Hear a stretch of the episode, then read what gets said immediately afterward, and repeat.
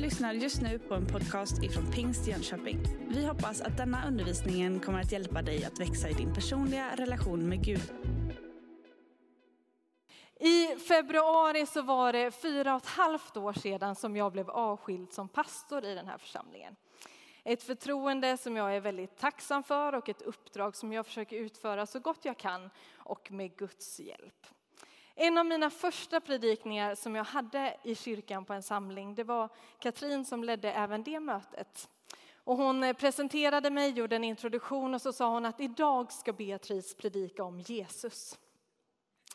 Och folk drog lite på mungiporna. Men jag tänker att det är en ganska bra presentation och en ganska bra sak att predika om Jesus. Så jag tänkte göra det idag också. Så idag ska jag predika om Jesus. För det finns ingen som Jesus.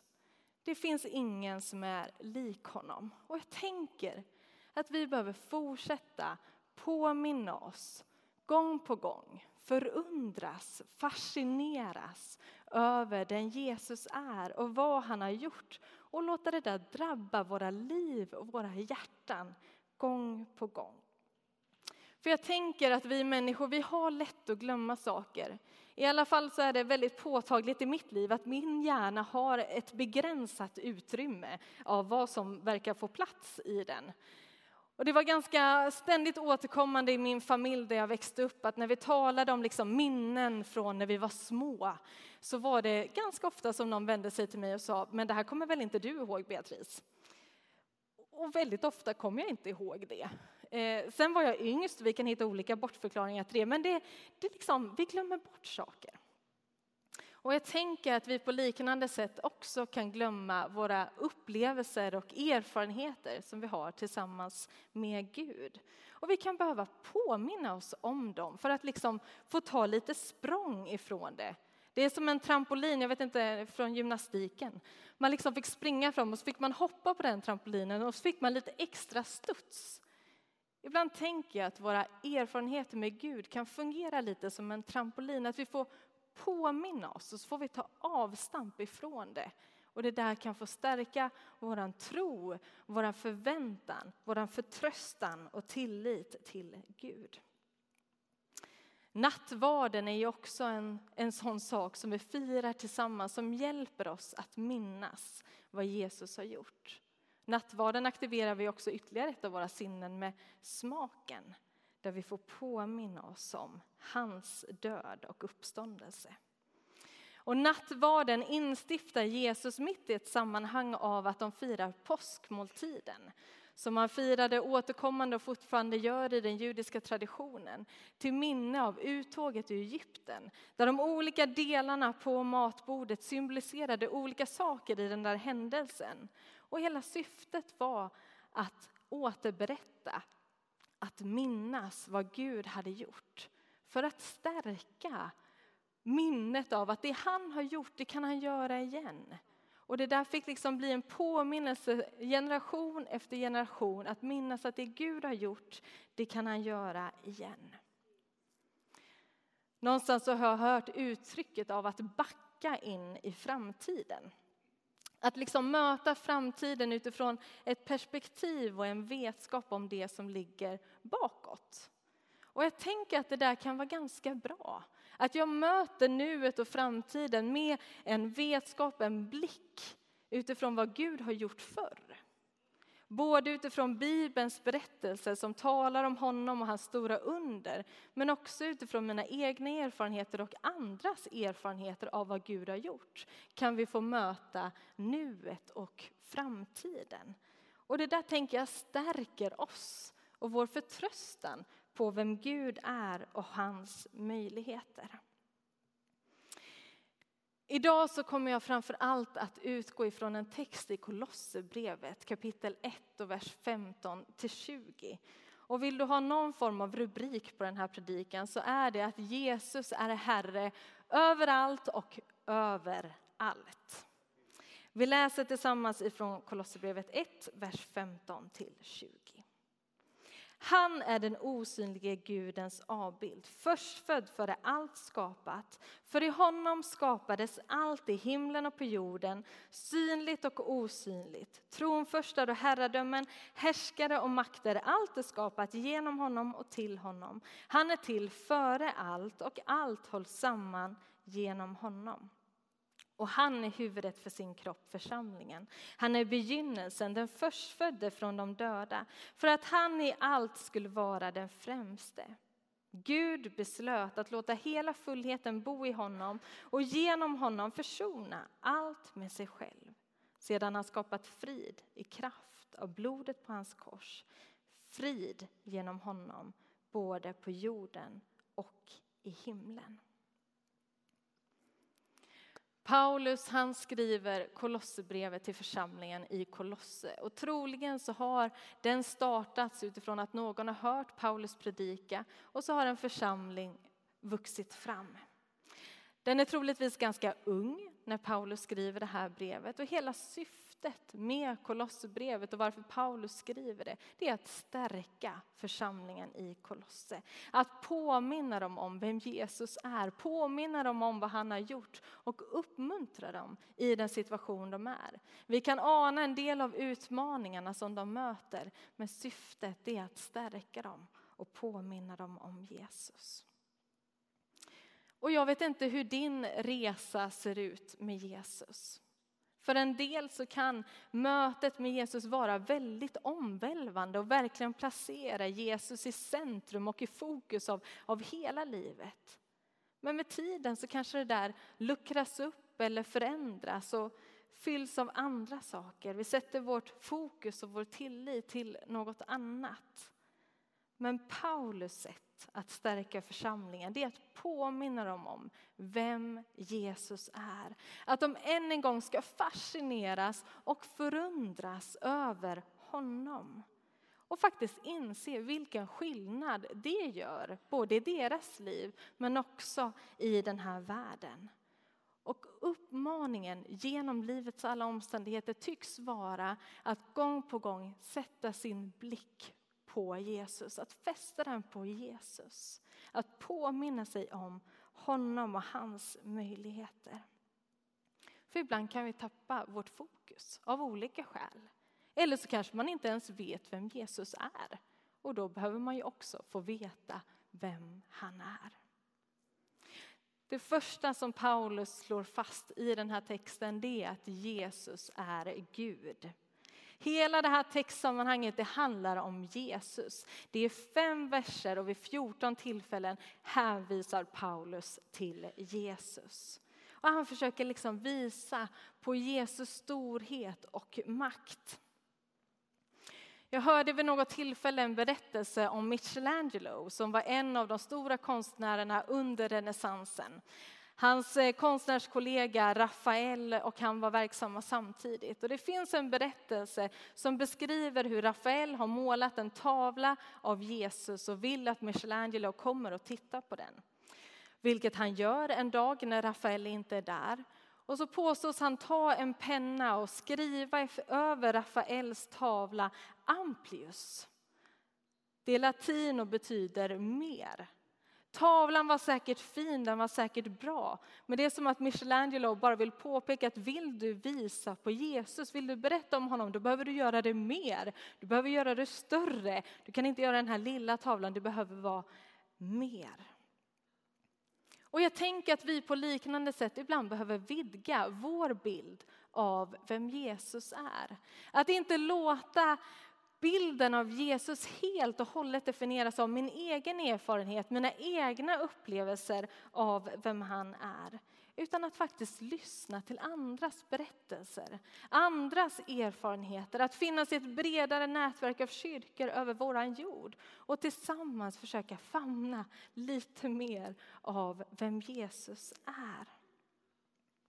I Efesierbrevet 3 och 16-20 så står det Jag ber att han i sin härlighetsrikedom ska ge kraft och styrka åt er inre människa genom sin ande. Att Kristus genom tron ska bo i era hjärtan och att ni ska bli rotade och grundade i kärleken.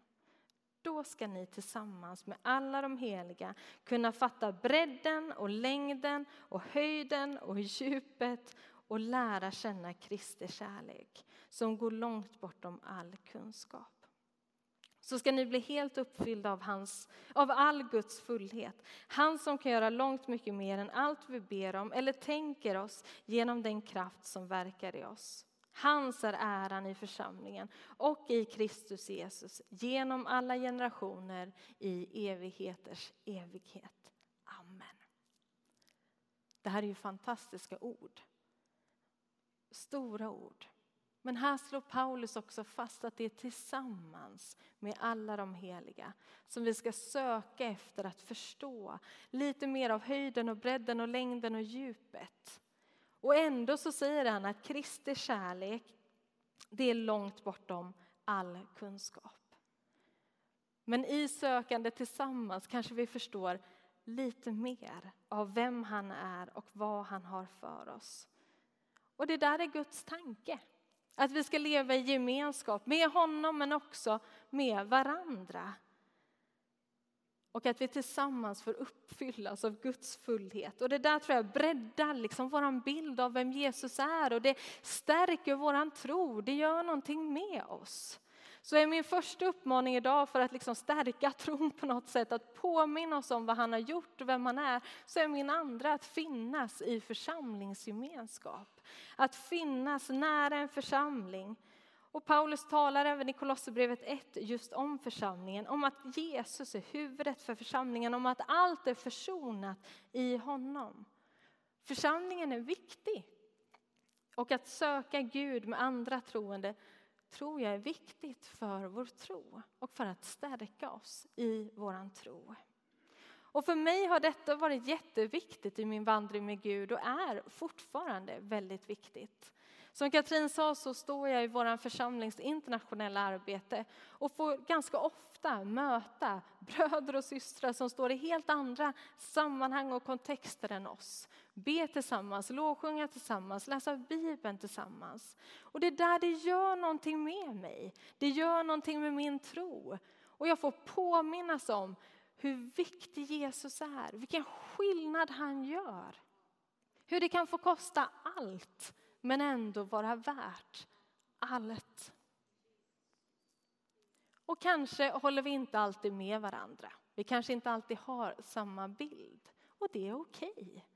Men det är tillsammans som vi får söka honom. Det är tillsammans som vi får försöka och finna lite mera kring honom som vi har funnit. Och på den vandringen tänker jag att vi kanske får en lite breddad förståelse av höjden och breddet och djupet och längden av hans kärlek. Paulus han säger i Kolosserbrevet 1 att Jesus är den osynliga Gudens avbild. När vi ser på Jesus, då ser vi Gud. Då ser vi vem Gud är. Allt är skapat till honom och genom honom. I Jesus beslöt Gud att låta hela fullheten bo, står det i vers 19. Jesus han var inte bara en god lärare, han var bara inte en vis person som gjorde anmärkningsvärda saker. Nej, han var Gud. Och han är den som gör den osynliga guden synlig. Så vill du veta vem Gud är och hurdan Gud är, ja men se på Jesus. Han är den som uppenbarar vem Gud är. Han är Herre. Den tidiga kyrkan deklarerade med stor frimodighet att Jesus är Herre. Och det ordet på grekiskan betydde detsamma som Gud, att Jesus är Gud. Man gjorde också detta i en tid när det var romarna som styrde och hade makten. Och romarna menade att det här ordet det ska bara användas för Caesar. Men ändå så är den tidiga kyrkan så frimodig och så övertygad, även om det innebar risk för deras liv, när de deklarerar att Jesus, han är Herre. För de visste att den auktoriteten som Jesus hade, den var mycket större än Caesars eller någon annans. Han är över alla tronförstar och herradömen, härskare och makter. Han är Herre över allt. Jag vet inte vem du skulle säga är en person idag som har stort inflytande och makt. Kanske skulle du säga att det är Magdalena Andersson. Kanske inte. Kanske du skulle säga att det är Xi Jinping som är den högsta ledaren i Kina eller Joe Biden som är president i USA. Eller kanske någon helt annan. Men oavsett vem vi kan tänka är en människa med stort inflytande och makt så är det ingenting jämfört med Jesu auktoritet, Jesu makt och Jesu inflytande. Leonid Brezhnev var en av ledarna i Sovjet. Han var ordförande i kommunistpartiet under många år och en av de personerna som ledde Sovjet under stora delar av kalla kriget. För han och hans fru så fanns inte kyrka och tro i den miljön överhuvudtaget utan tro sågs som ett tecken på svaghet i den sovjetiska och kommunistiska kulturen. Det var ingen med politiska kopplingar som kunde vara en person som också hade en tro. Det var inte aktuellt. Brezhnev han till och med fängslade präster och troende. Han stängde ner många av kyrkorna under sin tid vid makten. Och han dog 1982.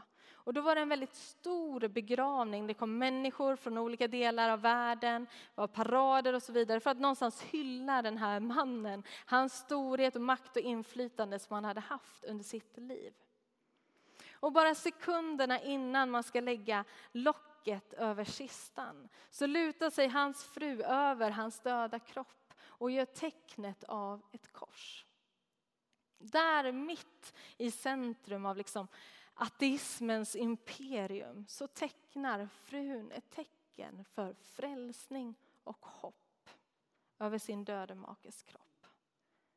Ni vet att oavsett vilken makt och inflytande en människa kan ha i andra människors ögon så kommer vi alla en dag ställas inför det faktum att Jesus är Herre. Han sitter på tronen. Han har vunnit segern och det är honom som vi får ställas inför. Och det där, det gör skillnad på alla nivåer. Att Jesus är Herre gör skillnad i hur vi ser på den här världen, vad vi ska göra. Att hans rike på annat sätt gör det värt att kämpa för rättvisa, att stå emot orättvisor, att stå på den utsattes sida, att minska fattigdomen i den här världen, att göra rätt, att vara ärlig och så vidare. För att han är Herre. Vi tillhör honom, vi tror på hans rike. Vi vill att hans vilja ska ske på jorden så som den sker i himlen. Det gör skillnad på alla nivåer. Hans död gör skillnad. I vers 20 i Kolosserbrevet 1 så läser vi att han har försonat allt med sig sedan han skapat frid i blodet, av blodet på hans kors. Ondskan ska inte segra. För Jesus, han är Herre överallt och överallt. Och det här ordet allt det används i det här sammanhanget vid sju tillfällen. Det är som att Paulus liksom vill påminna om, vidga bilden och förståelsen av vem Jesus är. Så betonar han i det att ja, men han är Herre överallt och överallt det gör skillnad. Han är förstfödd över allt skapat. I honom skapades allt i himlen och på jorden och allt är skapat genom honom och till honom. Han är till före allt och allt hålls samman genom honom. Han är den främste i allt och i honom försonas allt. Jesus han är inte bara herre över en liten del, över en viss grupp, över en dag i veckan. Han är inte bara herre över det som är övernaturligt, nej men han är herre över allt. Och ibland så kan vi tendera att dela upp livet och tänka att ja, men Jesus han bryr sig bara om om jag ber, om jag läser Bibeln, hur mycket jag går i kyrkan. Och det andra, det bryr han sig inte lika mycket om. Men han är herre överallt. Han bryr sig om dig och ditt liv och din situation. Och jag tänker att en söndag förmiddag kanske det är lättare att vi känner så. Vi står tillsammans med andra troende, vi ber och vi lovsjunger. Och det kanske är lättare att känna, men Gud, Jesus han är Herre. Och sen kommer vardagen. Du bråkar med din trotsiga treåring kanske. Du är orolig inför ett möte på jobbet. Du sitter i väntrummet på vårdcentralen. Ja, men är han Herre även då? Bönemöten mitt i veckan, smågruppssamlingar, andra goda vanor kan ju hjälpa oss att faktiskt påminna oss om det faktum att han är det. Och jag tror att det där är en hjälp att vi inte tappar fokus, att vi inte tappar blicken. Så behöver vi påminna oss gång på gång och ibland faktiskt säga till oss själva och till våra hjärtan att han är Herre. Paulus han skriver till församlingen i Korint, i första Korinthierbrevet 15, 1-2. Bröder, jag vill påminna er om evangeliet som jag predikade för er, som ni tog emot och som ni står fasta i.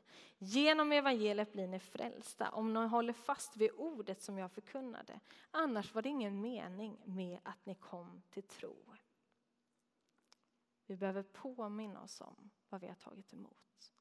Men vi behöver också hålla fast vid och stå fasta i det som vi har tagit emot. Jesus han är Herre överallt. Det finns inget som inte ryms i det. Så oavsett vad du möter, oavsett vad du går igenom, oavsett vad du kan vara orolig över så är han Herre överallt. Och jag tror att vi får påminna oss om det där mitt i sorgen, mitt i utmaningarna, mitt i glädjen och mitt i allt däremellan. Att Jesus, han är Herre.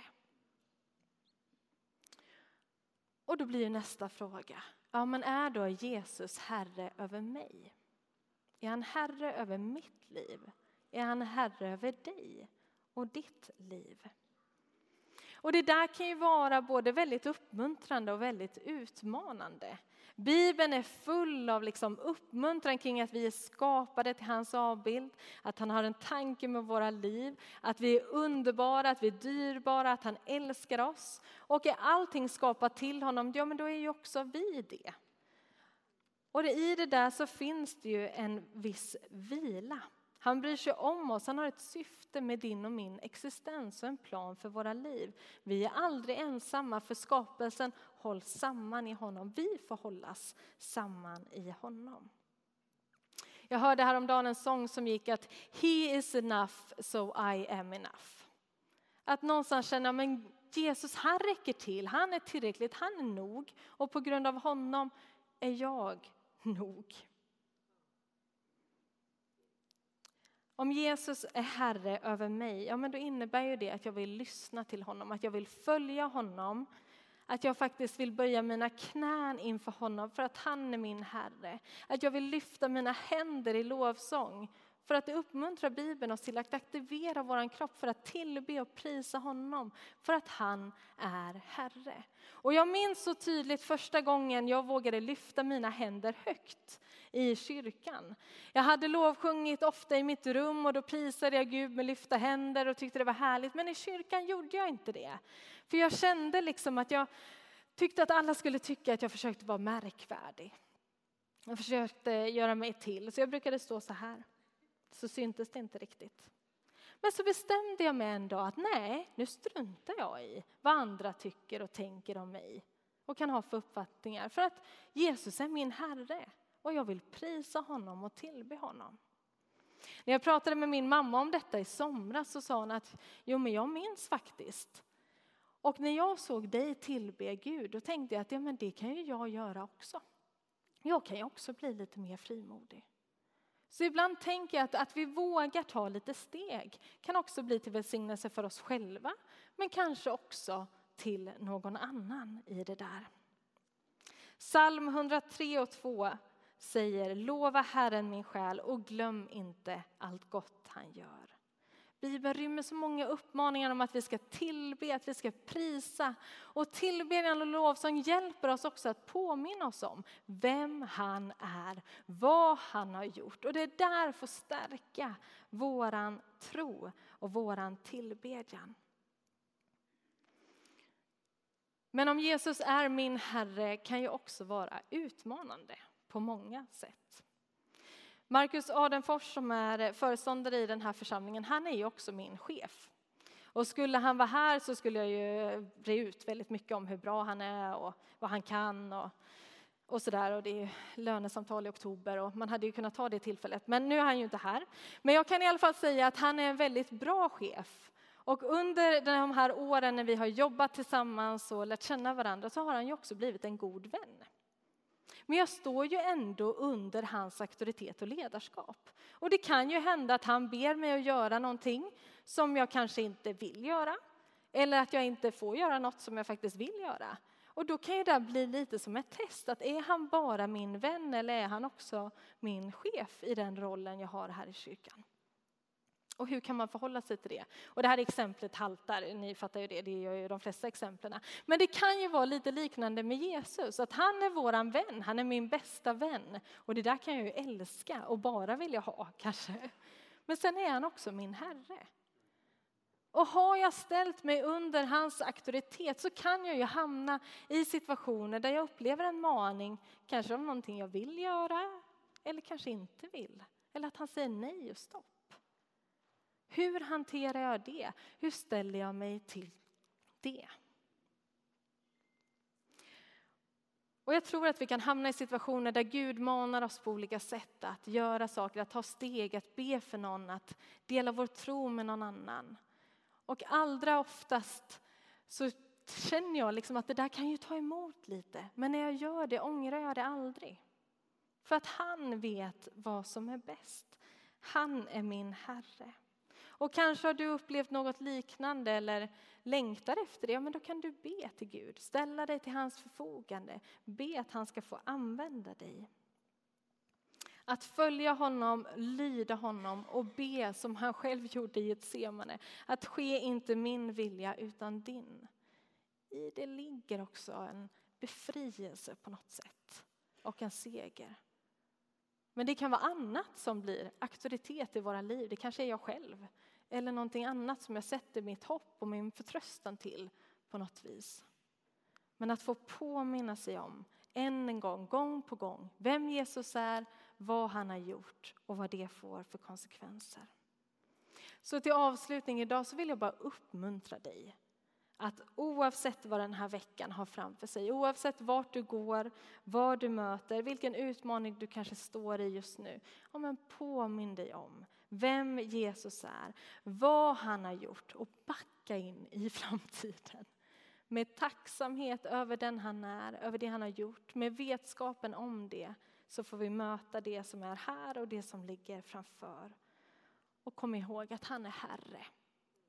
Överallt och överallt och han får vara Herre över dig och mig. Vi står upp tillsammans och så ber vi. Jesus, jag tackar dig för att du är herrars herre och kungars kung. Tack Herre för att du är Herre över hela den här världen, över allt den rymmer. Allting är lagt under dig Herre. Tack för att allting är skapat genom dig och till dig och tack för att vi får tro på dig. Att vi får ha dig som Herre i våra liv Herre. Tack Jesus för den här stunden, tack för att vi får söka dig Herre. Tack för att du låter dig finnas och löftet i att när vi närmar oss dig, då närmar du dig oss, Herre. Hjälp oss att hålla blicken fäst på dig. Hjälp oss att påminnas om vem du är. Hjälp oss att stärka vår tro i det. Uppmuntra varandra i det, Herre. Tack för den du är, Jesus. Tack för att våra liv får ligga i dina händer. Och att du är med oss alla dagar, överallt. Du har en tanke, du har en plan med våra liv veckan som ligger framför, dagar som ligger framför. Tack för att du är Herre överallt. Amen. Du har just lyssnat på en podcast ifrån Pingst Jönköping. För att få reda på mer om vilka vi är och vad som händer i vår kyrka så kan du gå in på pingstjonkoping.se eller följa oss på sociala medier via pingstjkpg.